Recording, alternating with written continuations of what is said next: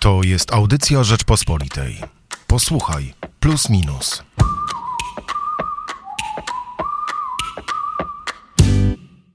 Język jest żywy. Przechodzimy trochę do porządku dziennego nad tym twierdzeniem, ale jednak, jak jesteśmy tego teraz świadkami, zmienia się na naszych oczach. I o tym postanowiliśmy zrobić najnowszego plusa minusa. Hubert Salik i Michał Szułdrzyński. Zrobiliśmy plusa minusa na temat, y, który jest mocno powiązany z tym, co teraz dzieje się na polskich ulicach, dzieje się od paru tygodni, z pewnym e, wybuchem e, emocji, którego efektem jest zwulgaryzowanie języka. I stawiamy trochę pytanie, czy i kto ponosi odpowiedzialność za ten językowy ekstrawertyzm. Czyli czy elity są odpowiedzialne za język? Czy uważasz, Michale, że elity powinny i są odpowiedzialne za język i czym są te elity, które tą odpowiedzialność e, mają na swoje barki brać? Wydaje mi się, że tak. Znaczy, że wydaje mi się, że to jest jednak rola e, elit. Bardzo ciekawą rzecz mówi doktor habilitowany Kazimierz Sikora w rozmowie z Joanną Bojańczyk e, o tym, jak dużą rolę odegrały um, takie dyskusje jak nasze, czyli dyskusje w mediach, dyskusje dziennikarzy, e, gdy po 1989 roku zrzucano wszystkie gorsety, które kojarzyły się e, z komunizmem, wprowadzono do mediów mowę potoczną.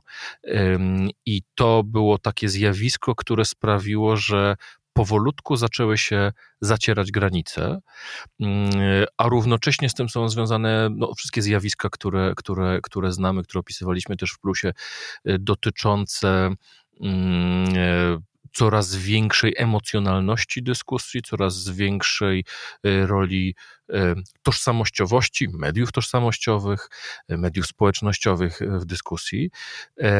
I im te emocje były większe, tym język się psuł. Więc ja bym tutaj mm, trochę tak jak nasz, nasz, nasz autor, publicysta i scenarzysta Mariusz Cieślik przypomina jeszcze wypowiedzi z lat 90. Przypominam wypowiedź profesor Antoniny Grybosiowej, która narzekała na to, że tutaj cytat, aprobata, jakiej udzielają nowemu obyczajowi mm, używania języka, w którym tabu jest celowo łamane, jego prestiżowi nosiciele prowadzi do nadwątlenia tożsamości kulturowej Polaków. Pani profesor Grybosiowa pisała to w latach 90., więc widzimy, że mamy tu raczej do czynienia nie z czymś całkowicie nowym, ale z taką pewną z niezwykłym nasileniem zjawiska, które gdzieś tak po cichu, po cichu e, gdzieś tam e, trwało, po cichu zmieniała się ta funkcja języka, ale teraz przy okazji ostatnich protestów to, to wybuchło w sposób niezwykły i, i dało się zauważyć niezwykłą, o czym też profesor Sikora mówi, niezwykłą radość wielu z używania słów wulgarnych w sferze publicznej z powodów czysto politycznych. Tak, skoro jesteśmy na ideologicznej wojnie, to w wojnie nie bierzemy zakładników, wszystko wolno i język też staje się narzędziem. No właśnie, język potoczny. Mm. Doktor Sikora wspomina mm, w wywiadzie, który udzielił Joannie Bojanczyk, o tym, że ten język potoczny e, coraz bardziej w latach 90. przenika do mm, zarówno utworów dziennikarskich, jak i też do nawet literackich. Tylko pytanie brzmi, czy to zjawisko na pewno jest czymś nowym. Tak naprawdę obaj, jak e, nabywaliśmy e, wraz z tokiem edukacji, e, stykaliśmy się z językiem, który był dla nas też archaiczny. Tym językiem sprzed 100 lat, 80 lat, czy nawet językiem Reymonta, czy Żeromskiego, czy Sienkiewicza. To, są, to jest język literacki, ale jednak bardzo daleki od nas. I ten język potoczny w zasadzie od lat jest stałym elementem zmiany języka. Mm, lata 90. są o tyle tutaj chyba mm, ciekawym przykładem, że nagle wyszliśmy z za żelaznej kurtyny i e, jednym z głównych tematów, nie tylko w Polsce, e, stała się amerykanizacja języka. Francuzi przecież bardzo e, przeżywali fakt, że ich język się ameryka, amerykanizuje. Te wszystkie sory, sia i tak dalej nadużywane zmieniają język. E, tyle, że nie mam wątpliwości, czy tymi e, winnymi zubożenia języka są dziennikarze. Mm, wydaje mi się, że to ma jednak trochę związek e, też z systemem kształcenia i rodzajem wykształcenia. Jak sądzisz, język jest pochodną wykształcenia, czy nie? Przestał być. Przestał być ze względu na to, że Mamy do czynienia z, taką, z takimi dwoma falami. Jedna fala to jest niezwykłego upowszechnienia wyższego wykształcenia w Polsce. No to po 1989 roku te wszystkie wskaźniki radykalnie wzrosły. Mm, pod, pod koniec komunizmu mieliśmy 3-4% E, Polaków z wyższym wykształceniem. Teraz to jest znacznie wyższy odsetek. Wydaje mi się, że 7 e, było w 90 roku, 7%. Może 9, 7. Mhm. E, natomiast pamiętam, jak, jak w roku tuż po wejściu Polski do Unii Europejskiej w 2004 roku 2 miliony Polaków było studentami e, w jednym e, tylko, w jednym tylko roku, co pokazywało i mieliśmy wtedy wówczas chyba najwyższy wskaźnik szkolaryzacji, ponieważ jeżeli dobrze pamiętam, połowa osób w wieku 18-24 studiowała wtedy, co było zupełnie niezwykłym, e, niezwykłym wskaźnikiem. Tylko też trzeba pamiętać, z czego to się brało. No, brało się to wtedy z przede wszystkim gigantycznego bezrobocia, a zatem pójście na studia było sposobem na opóźnienie przykrej sytuacji, czyli wejścia na rynek pracy, a tej pracy nie było.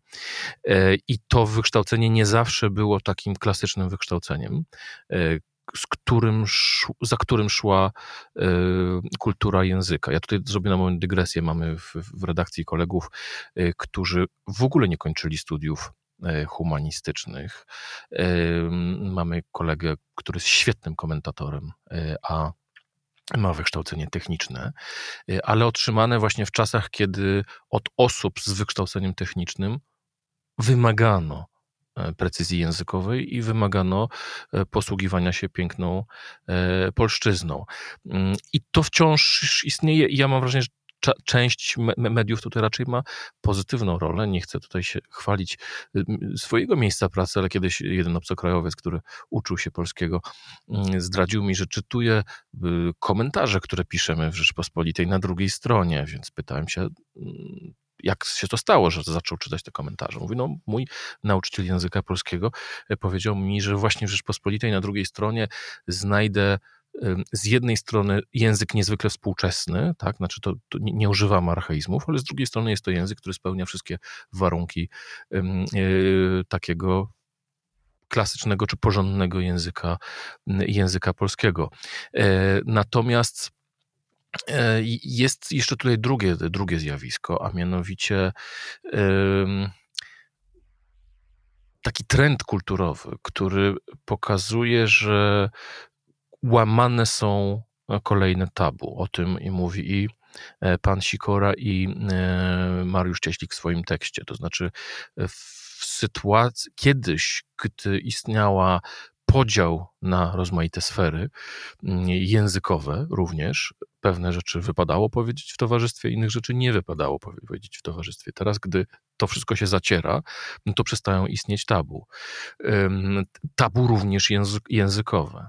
E, a zatem e, wulgaryzm w sferze publicznej czy w sferze towarzyskiej pełnił swoją szczególną rolę ze względu na to, że był właśnie wyjątkowy, tak, że e, jak gdyby łamał to, co wysokie z tym, co niskie, tak? to, co wypada z tym, co nie wypada. Natomiast w sytuacji, kiedy mm, no, zjawiskiem kulturowym jednak jest łamanie wszystkich tabu, e, łamanie wszystkich hierarchii, to dochodzi do sytuacji, w której już nie ma tego podziału. Tam, gdzie nie ma tabu, tam tak naprawdę nie ma wulgaryzmów, no bo skoro wszystko wolno powiedzieć, no to wszystko przestaje być wulgarne. Ten, nawet ten wulgaryzm się w niezwykły sposób jakoś powszednieje.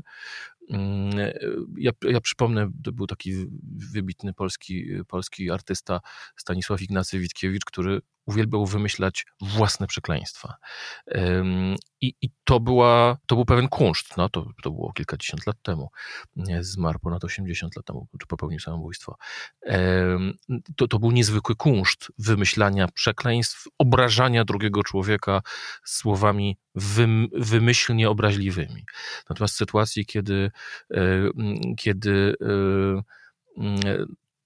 już przestaje być za, zaciera się różnica pomiędzy tym, co obraźliwe, a tym, co dopuszczalne, to, no to ten język też przestaje być takim ostrym narzędziem.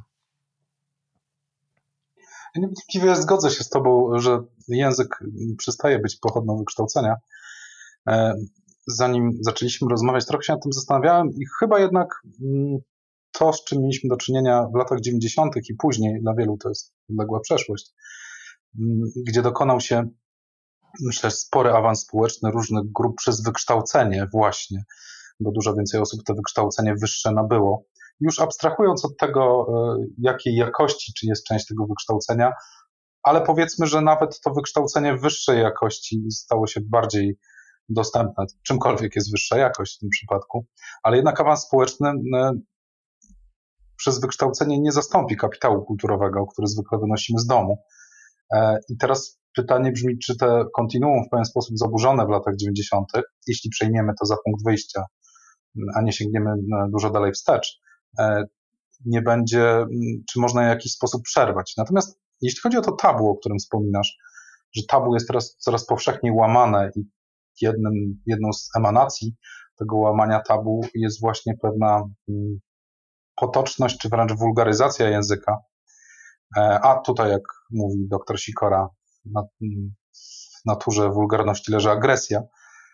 E, to zastanawiam się trochę, czy to nie jest też tak, że wciąż mamy do czynienia z różnymi grupami społecznymi i w obrębie tych e, grup społecznych, nawet można by powiedzieć pewnych grup towarzyskich, społecznych, czyli trochę mniejszych niż, niż klasa społeczna, dużo mniejsza niż klasa społeczna, e, w dalszym ciągu mamy do czynienia z językiem, który jest wyżej spozycjonowany. Mm, I teraz pytanie brzmi, może co chcemy słyszeć, bo z telewizji, e, z mediów o charakterze tabloidowym dociera do nas głównie krzyk, ale to chyba się nie zmieniło. Zmieniło się to, że nagle hasłem E, przewodnim protestów stało się, stały się wulgarne przekleństwa, które de facto nie rażą tyle na poziomie samej wulgaryzacji, ale tak naprawdę poza nimi nie ma żadnego dialogu, bo one zamykają dyskusję, e, bo w ogóle taka przemoc słowna tą dyskusję zamyka.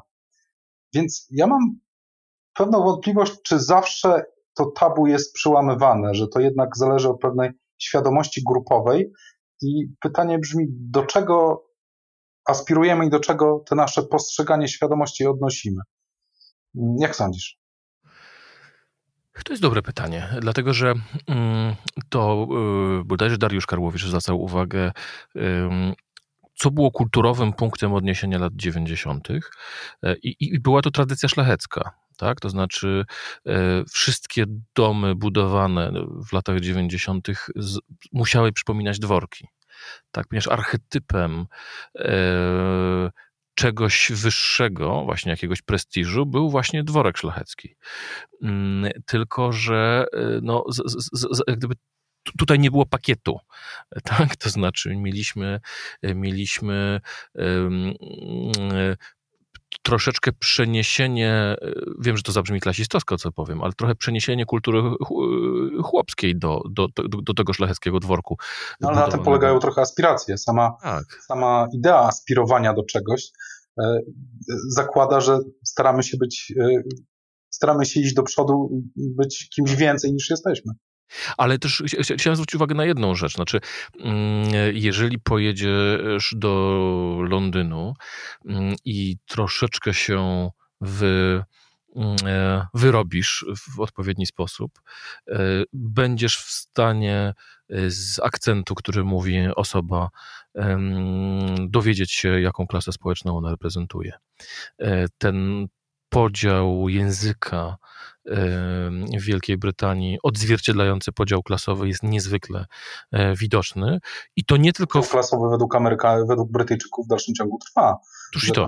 W dalszym ciągu jest grupa społeczna, której e, potomkowie e, ciągle kończą Eton, Oxford, Cambridge, ewentualnie London School of Economics, ale to tak już na trzeci rzut i, i, i tak naprawdę to widać też na poziomie stanowisk zajmowanych w całej strukturze, nawet społecznej, nie tylko politycznej.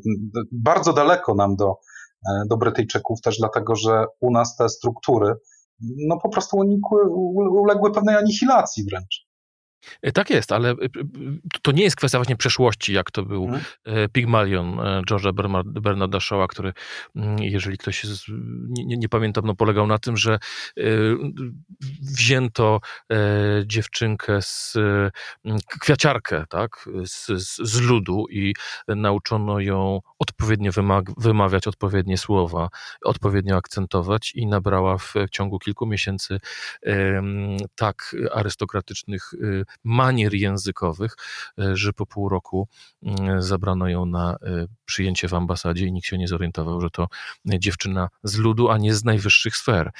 Y, ale dlaczego o tym mówię? Dlatego, że w Polsce czegoś takiego nie mieliśmy. Znaczy, być może przed wojną, nie, nie być może, na pewno przed wojną, e, słychać było wyraźnie ten, e, te, zmiany językowe, e, te, te, różnice językowe. Natomiast one się zatarły. Znaczy, w, w, w PRL-u mm, tak naprawdę mieliśmy do czynienia z niezwykłą, niezwykłym uśrednieniem językowym, bo prawie nikt nie mówił już potem gwarą. Tak? Po 1989 roku właściwie zniknął podział na gwary. No może jeszcze górale mówią e, e, po, po, po góralsku, czy, czy, czy w, na, na Kaszubach to, to słyszymy. E, ale jeżeli pojedzie się do małej miejscowości i pojedzie się porozmawiać z kimś na ulicy i po, wejdzie, po, przejdzie się ulicami Warszawy, Szczecina czy Poznania, nie ma regionalizmów, ale też nie ma takich aż klasowych różnic w języku polskim. E, w związku z tym tutaj jest e, jak gdyby znacznie trudniej to e, użyć tego języka do, do rozróżniania ludzi z poszczególnych grup społecznych. Oczywiście są kwestie, nazwijmy to, patologiczne, to co, to co Mariusz Cieślik przypomina sformułowanie język spod budki z piwem, tak, gdzie właściwie trzy wulgarne słowa zastępują wszystkie czasowniki, rzeczowniki, e, przymiotniki i pozostałe, pozostałe części, pozostałe formy gramatyczne. E, ale to jest, to jest skrajność. Tak? Natomiast no, być może powinniśmy e, trochę zatęsknić właśnie za takim trochę brytyjskim systemem językowym, w którym to właśnie język bardzo mocno pokazuje e, czyjeś atuty wewnętrzne, wykształcenie i tak dalej, bo, i tutaj znowu wrócę do tego, co mówił e, profesor e, Sikora, no czy to przez. Tam jest bardzo ciekawy ten moment, w którym Joanna Bojańczyk rozmawia z, z, z Kazimierzem Sikorą o film, filmie Psy, prawda, który wtedy bulwersował, znaczy jak można mówić takim językiem. A, a, a dzisiaj w porównaniu z, z, z, kinem masowym to już właściwie nikogo, nikogo nie dziwi, a równocześnie mamy to samo zjawisko w kulturze amerykańskiej, gdzie słowo na F tak naprawdę też weszło do zupełnego mm, mainstreamu i, i, i nikt się nie gorszy jest, słysząc je na ekranie. Mm, no i to też ten problem, o którym, o którym oni rozmawiają, no, że tu, gdy dystrybutorzy wprowadzają na, do polskiego kina e, filmy, no przecież nie będą e, tak zwanego F-word tłumaczyć jako motyla noga czy psiakość. No tak, tylko pewną oczywistą oczywistością jest to, że kultura masowa e, w swojej, natu w swojej naturze w ogóle mm, zaniża. E, to, co jest punktem odniesienia, czy punktem odniesienia dla kogoś są psy czy pigmalion, e, jednak determinuje, determinuje nie tylko stratyfikację społeczną, determinuje też no, tak naprawdę, jakie są elity. I trochę wracając do początku naszej rozmowy, czy polskie elity, czy polskim elitom bliżej do Pigmaliona, czy bliżej do psów Pasikowskiego? E, zmuszasz mnie, żebym wypowiedział tezę konserwatywnego zgreda, ale boję się, że bliżej im do, e, bliżej im do psów Pasikowskiego, e, dlatego że i dlatego byłem strasznie ciekaw tej rozmowy, mm, którą właśnie robiła mm, e, pani Joanna Bojańczyk, która na co dzień zajmuje się kulturą i modą. I też zwraca uwagę na to, że moda, w której zaciera się różnica pomiędzy tym, co eleganckie, a tym, co codzienne, właściwie przestaje mieć sens, e, bo no na tym polega właśnie moda, na tym polega ta kultura e, ubierania się, że jeżeli mm, chcesz jakąś wyjątkową chwilę e, podkreślić, to ubierasz się wtedy wyjątkowo. Natomiast jeżeli codziennie, mm, bez względu na to, czy to jest coś oficjalnego, czy nieoficjalnego, ktoś zakłada t-shirt i jeansy, mm, też lubię chodzić w, w, w, w t-shircie, to nie jest, nie, nie, nie jest ta kwestia, e, ale to się to wszystko zaciera. Tak samo jak, nie wiem, kiedyś do starszej osoby nie wypadało y, się zwracać trzymając ręce w kieszeni. Dziś właściwie mało kto na to zwraca y, uwagę i to nie chodzi o kwestię y, takiego dobrego wychowania, co to zawsze mm, właśnie które no, chociażby w przedwojennych szkołach było czymś nie, niezwykle istotnym, e, ale, ale język jak gdyby podlega dokładnie tym samym, e, tym samym e, zjawiskom. Tak samo jak można sobie wyobrazić, że chociażby student na dobrym uniwersytecie w Polsce mm, przyjdzie na egzamin w shortach i w podkoszulku, co jest, byłoby jeszcze 15-20 lat temu złamaniem pewnej, pewnych niepisanych zasad, tak samo, no i to też mówi e, pan doktor Sikora, że jak słyszy, jak studenci polonistyki Uniwersytetu Jagiellońskiego rozmawiają między sobą, e, to jemu więdną uszy, bo właśnie oni tej różnicy nie widzą. No tak, ale powoli zmierzamy mm, do wniosku, który pozwoliłby nagrać nam ten podcast 10 lat temu, 20 lat temu o tej samej porze, 30 lat temu o tej samej porze, 40 już nie wiem, bo jesteśmy blisko stanu wojennego, ale e, wiesz co, no tak naprawdę dochodzimy do wniosku, że kultura ubożeje i się degeneruje i ten wniosek no, powtarza się mm, non-stop. A mimo to y, trwamy i mimo to są jakieś wytwory kultury wysokiej, które nasze społeczeństwo y, jest w stanie stworzyć, więc e, może nie jest wcale tak źle, jak nam się wydaje. Ale, nie tylko o języku, ale również ci... o najdziwniejszym kryzysie III Rzeczpospolitej, piórem Piotra Zaręby, e, o tym, jak e, w Unii Europejskiej popularne jest weto i Polska wcale nie jest tu wyjątkiem, e, pisze Jędrzej Bielecki. Zapraszamy Państwa do kiosków i na www.rp.pl. Hubert Salik i Michał Żółtrzyński. Słuchaj więcej na stronie podcasty.rp.pl. Szukaj Rzeczpospolita Audycje w serwisach streamingowych.